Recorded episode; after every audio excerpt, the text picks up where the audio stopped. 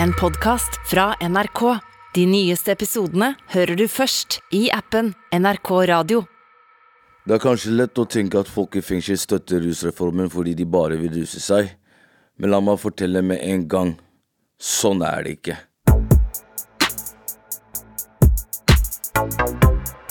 Det er faktisk noen innsatte som misliker reformen pga. det fucker opp businessen.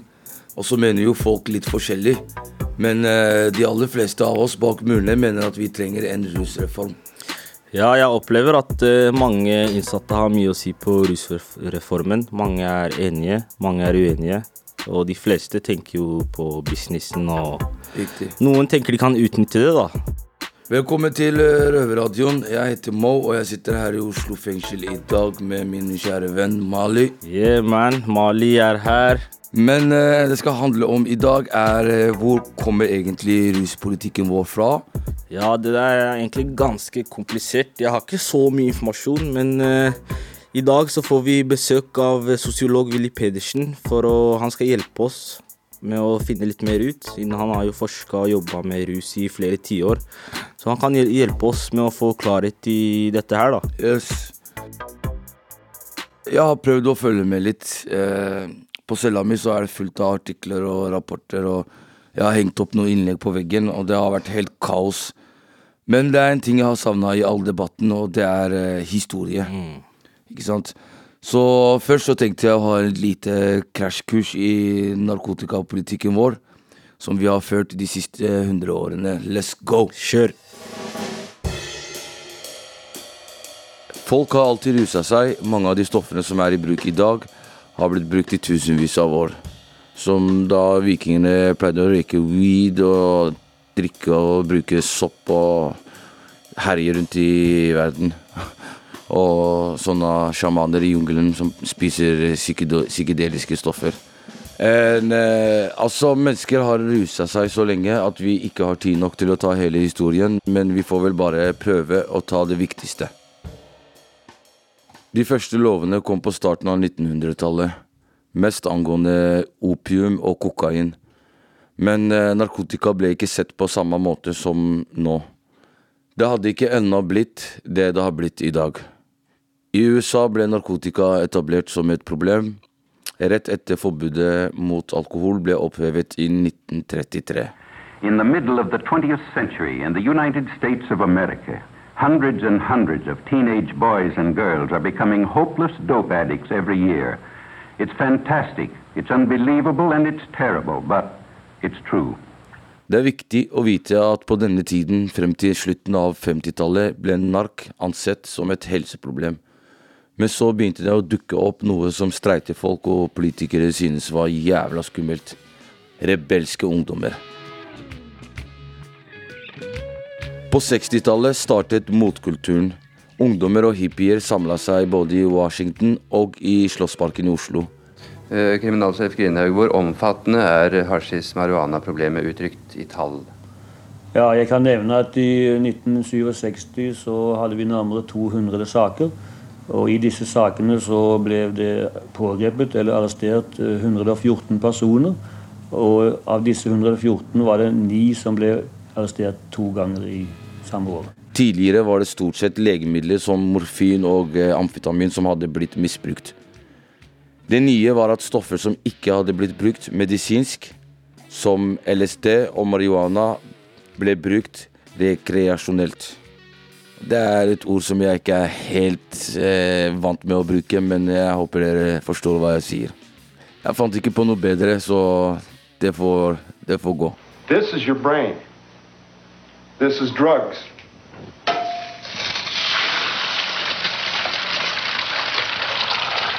This is your brain on drugs. De gamle med stresskoffert og strøken frakk og slips fikk panikk. Det ble en utbredt frykt for at vi sto overfor en epidemi. Today, there's a. Enhver befatning eller assosiasjon kunne smitte deg. Enhver bruker var en potensiell smittekilde. Fra og med 1964 ble lovene skjerpa. I løpet av de neste 20 årene ble maksstraffen hevet fra 6 måneder til 21 år. 42 ganger så høyt. I 1971 erklærte president Nixon i USA Krig mot narkotika. War on drugs, sier Simi. me? America's public enemy number one in the United States is drug abuse. In order to fight and defeat this enemy, it is necessary to wage a new all out offensive. Senere har en av folka nærmest Nixon, John Erlichman John Erlich Erlich Er det sånn man sier? Erlich Senere har en av folka nærmest Nixon, John Erlichman Hvis er faen hva hans mann uttaler dette. Han har i hvert fall sagt rett ut at krigen mot narkotika var retta mot Nixons to fremste fiender. Hippier og svarte folk. Men krigen mot narkotika fortsatte og spredde seg til resten av Vesten, også Norge. Under president Reagan på 80-tallet ble innsatsen økt videre. Dere husker vel 'Just say no more' eller 'say no more no to drugs'? It's back to school time for America's children, and while drug and alcohol abuse cuts across all generations, it's especially damaging to the young people on whom our future depends. I perioden 1980 til 1997 ble antall innsatte i USA som satt for ikke-voldelige narkotikaforbrytelser, økt fra 50 000 til 400 000. There's something out there. It's after kids everywhere. It entices them, confuses them, and can even kill them. That's right. Illegal drugs are everywhere. Utover 90-tallet ble det mye debatt om metadon, et tegn på at vi som samfunn ønsket å hjelpe de som sleit med rusavhengighet. Men lovverket var fortsatt det samme, mer eller mindre. Så måten vår å behandle rusproblematikken ble mer og mer preget av indre motsetninger. Vi ville altså hjelpe samtidig som vi straffet. Samtidig som vi hadde strenge straffer og et veldig aktivt politi, hadde vi laget et hjelpeapparat som opererte i et system som ikke var laget for å hjelpe. Og det er her vi er i dag, etter at Ap stanset rusreformen fra Høyre.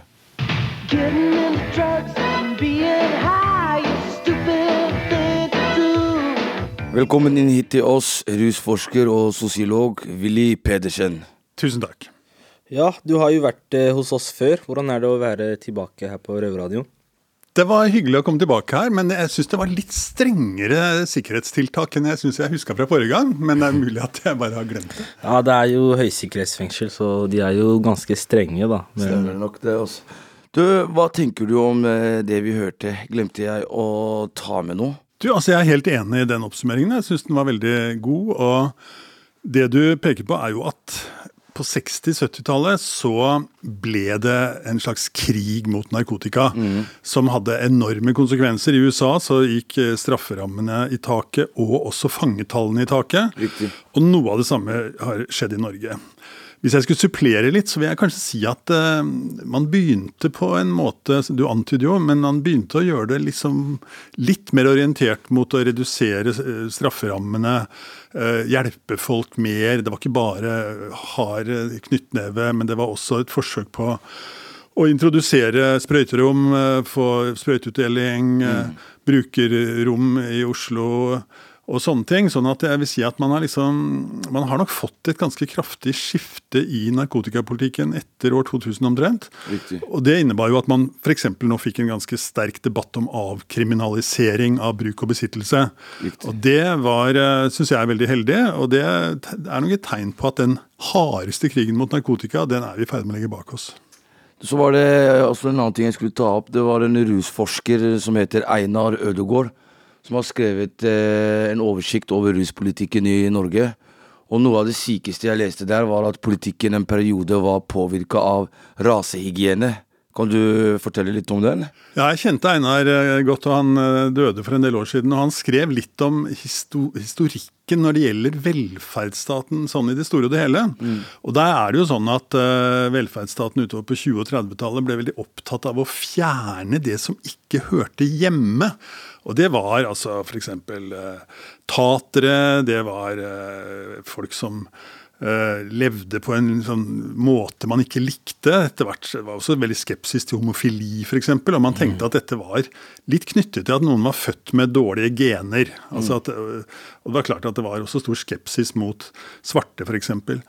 Og i denne pakka av folk som ikke hørte hjemme, så plasserte noen nok også rusbrukere, og tenkte at de hadde kom fra dårlige familier, foreldrene hadde hatt rusproblemer og sånne ting. Mm. Og man prøvde liksom å liksom gjøre noe med disse kapslede minnene, fjerne dem fra samfunnet. og noen ble jo til og med sterilisert. Altså yes. Taterfamilie ble sterilisert. Eh, romfolk eh, skjedde noe av det samme. Wow. Så, så, dette var en eh, røff tid. Og det er jo et ekko av det vi så i Tyskland på denne tiden, med nazismen, som da mm. hadde satt dette veldig i system, hvor også jødene ble eh, forsøkt utrenset. Riktig. Ja, Tidligere så nevnte jo Mo Nixon og Reagan i stad. I hvor stor grad har USA hatt Eller hvor stor grad har de påvirket ruspolitikken her i Norge? I veldig høy grad. Mm. Fordi det som er interessant, var jo at man fjernet løsgjengerloven sånn tidlig på 70-tallet.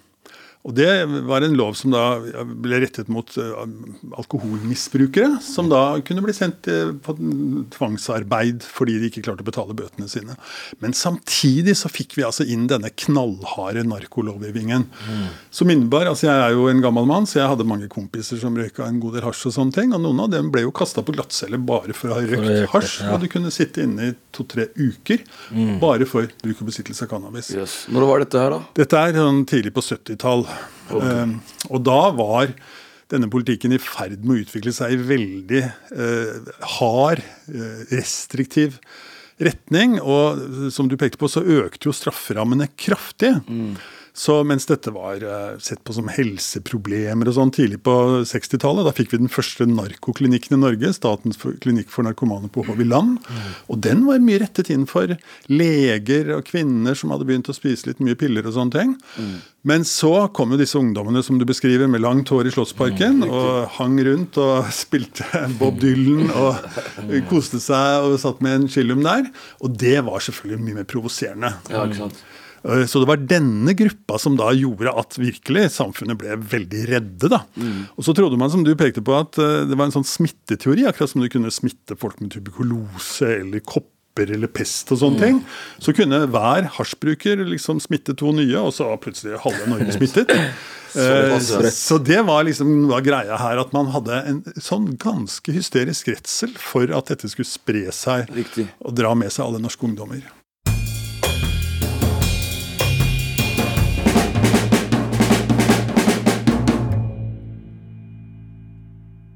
Du, Jeg har en sitat eh, fra et leserinnlegg eh, skrevet av eh, Roar Michaelsen her. Og Han sier at etter 50 år med krig mot narkotika er erfaringen at jo hardere vi kjemper, desto verre blir utfallet. Hva syns du om dette? Det er helt feil, syns jeg. Det stemmer ikke. Nei. Fordi det du ser nå, er jo at man har fått veldig sterke stemmer fra brukerorganisasjonene, som vi kaller det, altså Foreningen human narkotikapolitikk, mm. og eh, RIO, og myndighetene har begynt å høre på disse gruppene. Det var grunnen til at vi hele tatt fikk en svær debatt om avkriminalisering av bruk og besittelse. Mm. Og nå har jo da eh, stadig eh, Vi har kommet, kanskje komme tilbake til det, men domstolene begynner nå å straffe ikke fullt så hardt. Så du ser over hele verden at det er en sånn protest. Med mer vekt på helse, mer vekt på menneskerettigheter og Riktig. sånne ting. Så jeg syns at han tar feil, og jeg syns vi skal hilse dette velkommen. altså At det er mye bedre måter å forholde seg til uh, folk som har rusproblemer nå, enn det var bare for fem og ti år siden. Og det skyldes veldig mye at vi har begynt å høre på mm. folk som har vært der og kjent hvor skoen trykket. Du, Så lurer jeg på hvorfor valgte vi egentlig å bruke straff for å få folk til å ikke ruse seg? Altså, funker det, eller? Nei, Jeg, jeg syns det funker veldig dårlig. Det er klart at uh, generelle normer mot rusbruk og sånn er jo bra at folk har, men at det skal liksom forfølges av et straffebud det, det, er jo nå gjort en god del studier, og denne store rusreformutvalgets innstilling som kom for en par år siden, mm. den har jo gått gjennom erfaringene når du slutter å straffe, altså når du avkriminaliserer. Mm. Eh, og det er lite som tyder på at dette øker forbruket. Så, så, jeg mener at sånn kort sagt så er det et stort feilgrep som vi dessverre har holdt på med i 50-60 år. Og jeg håper nå at vi er i ferd med å justere det. Vi er jo opplagt i ferd med å justere det for tunge rusbrukere, men jeg tror også for vanlige ja. ungdommer som tar, en, tar, seg en joint og sånn, så, så, er det ikke risikoen for at politiet skal komme som gjør at de lar være å gjøre det. Det er ikke sant. Jeg tenker jo selv at uh, man kan jo prøve å begynne med straff for å liksom avskrekke folk fra å gjøre det, men når det fortsetter og fortsetter og ingen liksom tenker på straffen, da burde de gå over til hjelp, da. Ja, altså det Rusreformutvalget som kom med mm. denne innstillingen, de sier jo at du skal få ungdommene til en sånn kommunal rådgivningsenhet. Mm. Og Der skal de snakke med dem, og sånn, men da er det ikke liksom politiet som skal ta Akkurat. hånd om dette, men, mm. men, folk som har greie på hvordan du snakker mm. med ungdom. og Kanskje finner ut om det var noe gærent i familien, og prøver å Hvorfor finne litt ut av hva som foregår. Mm. Men da løftes liksom ut av politistasjonen, ut av strafferettssystemet, ja, ut av rettssalen og inn i et mye mykere system. Og det tror jeg er mye bedre enn mm. det uh, man har trodd i Norge i veldig mange år. da. Ja, Noe som tyder på at vi ønsker å hjelpe fremfor å straffe, er at det nå er et nytt og ganske, hva skal man si, radikalt prosjekt på Ullevål sykehus. Vi har sendt en reporter for å sjekke det ut. Innsatte i norske fengsler lager radio. Du hører Røverradioen i NRK P2. Hei, Ylva heter jeg, og i dag så er jeg med Røverradioen her på Ullevål eh, sykehus. Så nå skal vi puske oss inn. Velkommen til oss. Takk. Ja, vi tar hverandre i hånden. Ja, Ylva. Camilla. Jeg heter Camilla Birkvold og jobber da i avdeling rusavhengighetsbehandling ved Oslo universitetssykehus. I en seksjon som heter seksjon ruspoliklinikker. Og er da enhetsleder for dette prøveprosjektet med heroinassistert behandling som er lagt i den seksjonen ved OS. Eh, hva som er nytt eh, med dette prosjektet? Altså, det, vi vet jo at det, det, finnes noe som heter LAR og alt mulig sånn. Kan du mm. fortelle litt om det?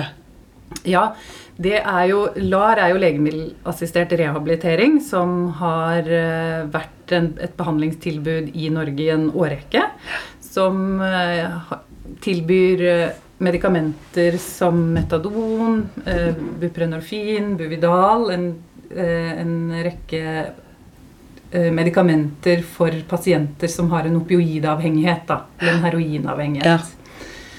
Og så Det som er nytt med dette, er jo dette har jo vært diskutert i Norge i en årrekke. Om man skal også som medikament tilby heroin, eller diacetylmorfin, som vi kaller det, som et medikament for denne pasientgruppa. Så, og vi er vel det niende landet som gjør dette. Så det betyr at det er ikke en ny behandlingsform i den forstand, men det er helt nytt i Norge. Og, og da begynte vi å planlegge det uh, i 2020, når vi fikk dette oppdraget. Og har tatt imot våre første pasienter da i januar i år. I år. Hva som er da forskjellen på dette prosjektet og metadonbehandling?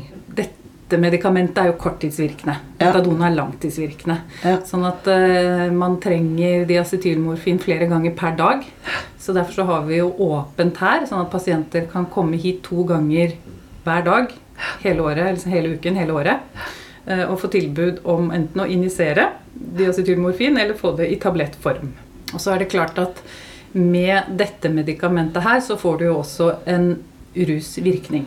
Eh, som er en del av behandlingstilnærmingen. Blir de litt sånn de blir, at de sovner litt, sånn som jeg opplever dem hvis du går forbi dem på gata eller noe sånt? Ja, Det varierer litt. Ja. Eh, for pasientene her har jo hatt en veldig alvorlig avhengighetslidelse ja. i veldig veldig mange år. Det er ja. liksom målgruppa her. Så øh, noen ønsker ikke, har ikke behov for veldig den rus Det er jo det de kaller liksom å ja. føle seg friske.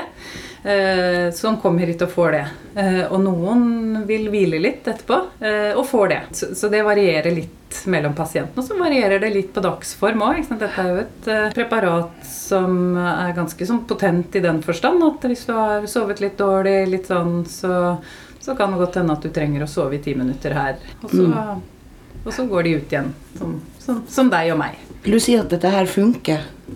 Ja, hvis, det, hvis, man kan svare så enkelt på det, så er det klart at eh, det, det, vi ser, da, er jo at disse pasientene Vi må jo liksom høre på pasienttilbakemeldingene. Eh, det veldig mange av pasientene sier, er jo at de får litt mer ro i livet. Eh, de kan fokusere på andre ting.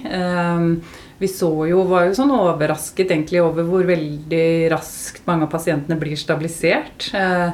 Hvor de kan ja, ønske seg til tannbehandling, ønske seg til å jobbe med økonomi, bolig Altså alle andre aspekter ved livet. Begynner å kjenne på mer ting, på godt og vondt. Sånn at vi kan liksom jobbe med hver enkelt pasient. Og fordi vi også ser de så hyppig. Da, vi, de kommer hit to ganger dag per døgn og mm. møter helsepersonell her. Eh, sånn at det er liksom mulig å få liksom bistand til ting man har behov for, og ting vi kan gjøre med. Vi kan henvise de videre til andre ting. Mange har ikke tatt en blodprøve på veldig mange år. Så kan vi bistå litt med hva det skulle være. Om det er litt ekstra D-vitamin eller ja. ting som mangler. Eh, så det ser vi jo kommer ja. ganske raskt. Uh, at pasientene stabiliseres på det, og at de selv på en måte opplever at, uh, ja, at de får liksom det de har behov for hver dag. Ja. og som noen sier, at man kan, liksom, man kan, gå, man kan legge seg og faktisk få sove fordi man vet at man står opp dagen etterpå, kommer hit, får det man har behov for, kan utføre noen andre oppgaver. Vet du noe om dette tilbudet kommer til å fortsette i fremtiden? Nå dere, skal dere snart feire et halvt år bursdag, tenker jeg. Ja, nå er det jo sånn at foreløpig har vi et femårig prøveprosjekt. Um, så, så, hvordan dette på Den avgjørelsen ligger eh, langt utenfor meg. Men det vi kan gjøre i det, er å gjøre dette så godt som mulig og så nært opp til modellen som mulig. Eh, og at våre pasienter er med i den forskningen eh, rundt dette, da, så man faktisk ser resultatene. For det er mange forskjellige sånne variabler som forskerne ser ja. på i forhold til dette her. da.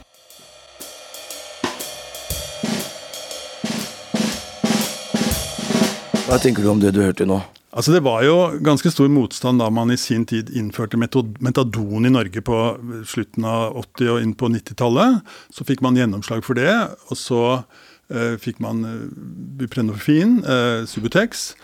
Uh, og så har det vært stor skepsis mot heroin, fordi da skal liksom folk få varene som de får på gata ja, ja. og helsevesenet. Og det, det, klinger selvfølgelig dårlig. Mm. Men jeg mener at dette forsøket er veldig interessant. Det er gode resultater i Sveits f.eks. Mm. Så hvis dette funker Men det er klart det er ikke noe veldig lett måte å få tak i stoff på. Du skal møte opp flere ganger om dagen på et bestemt sted, og definere mye av dagen din og sånne ting. Ja.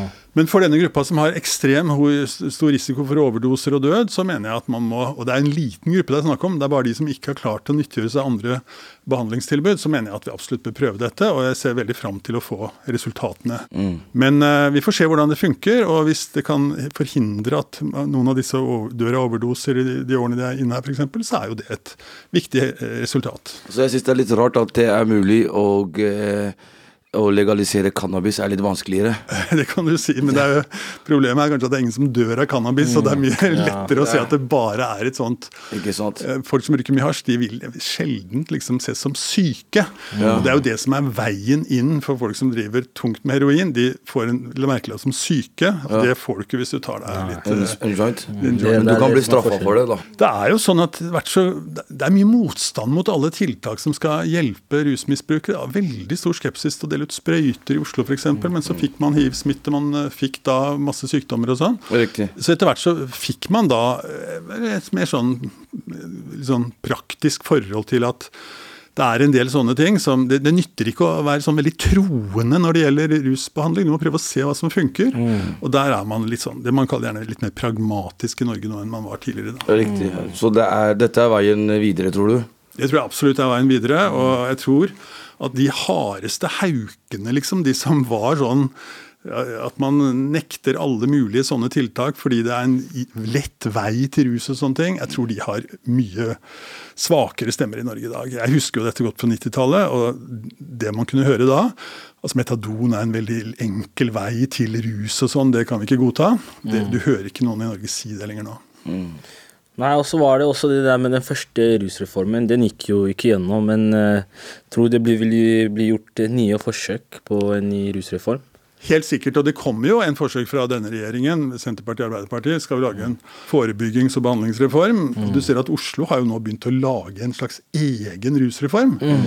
Uh, som alt sammen er tegn på at det er en eh, endring under gang her. Sånn at når da ikke politikerne klarer å bli enige om dette på Stortinget, så har Mm. Oslo bestemt seg for at det er bare tull å sette ja. folk i glattcelle som har Mm. fem gram heroin på seg. Så jeg har kommer tilbake til kanskje at eh, Høyesterett har jo også gått mye lenger enn politikerne. Ja. Sånn at det er et tegn på at når ikke politikerne klarer å ordne opp så på nasjonalt nivå, så rydder de kanskje opp på lokalt nivå.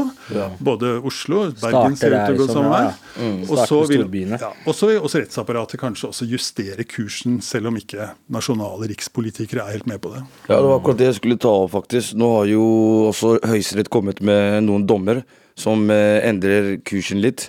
Blant annet var det en sak der en ble dømt til tre måneder ubetinget, pluss tre måneder betinga fengsel, som ble omgjort til 24 dager i Høyesterett. Altså Jeg var faktisk i Høyesterett da dette ble behandlet. Det var masse folk der. mange eh, altså Folk i brukerorganisasjonene var der, forskere var der, journalister var der. Og det var en veldig stor eh, begivenhet, fordi her var det jo sånn at eh, påtalemyndigheten, altså Riksadvokaten, han som er, har hovedansvaret for liksom, altså myndighetenes håndhevelse av rettsapparatet, han sa jo at vi går inn for det han kalte straffeutmålingsfrafall, som er en slags påtaleunnlatelse. Eh, Og dette er jo folk som tidligere hadde fått flere måneder ubetinget. Og så kan du si at myndighetene gikk like langt som forsvarerne hans. Så det var en veldig stor uh, situasjon, altså hvor veldig mange følte at ok, nå skjer det noen store endringer her. Og det kule er jo da at både Riksadvokaten og dommerne i Høyesterett går lenger enn norske politikere i Arbeiderpartiet f.eks. Yes, Helt til slutt, tenker du at eh, fremtiden for folk som sliter med rus, begynner å se litt lysere ut nå? Ja, jeg syns i hvert fall uh, mange Mer tegn fokus på det, liksom? Ja, jeg tror liksom at det, det er mange flere måter å hjelpe folk på. Mm. Man har skjønt at den der harde narkotikapolitikken hvor det primært er politi, rettsapparat, fengsler og sånn Mm. som skulle rydde opp, at den ikke funker. Det er ikke noe som tyder på det. Så jeg tenker at vi er i en uh, ganske god strøm nå. Jeg har jo forsket på disse tingene her i 30 år omtrent, og jeg, jeg syns at vi aldri Jeg har blitt overrasket over at det gikk i den retningen for noen år siden. altså det startet jo med at Portugal avkriminaliserte i 2001, altså for 20 år siden. Og så har det utviklet seg derfra til også å få gjennomslag i Norge. Du, jeg ser at du sa i stad du hadde litt dårlig tid, så jeg kan bare si at tusen takk for besøket. Rusforsker og sosiolog Willy Pedersen. Tusen takk. Veldig hyggelig å være her i dag igjen. Takk skal du ha.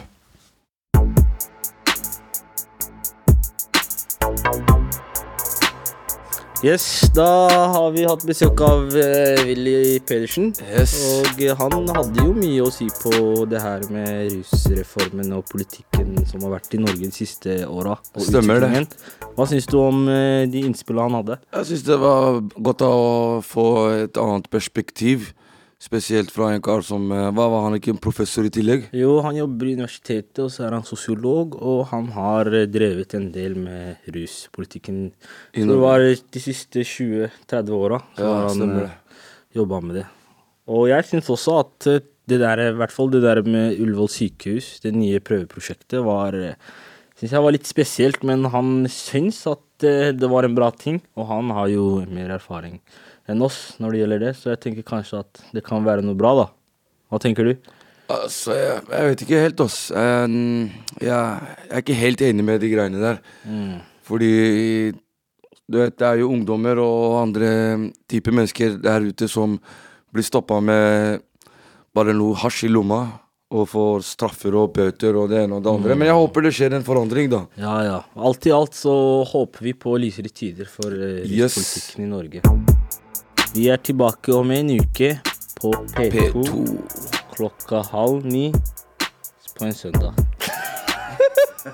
Eller på podkast. Bare hvor du vil, klikk hvor du vil, du vil, så vil. lenge du ikke sitter behind bars. Røverradioen er laga for og av innsatte i norske fengsler. Tilrettelagt for streitinger av Klynge for NRK.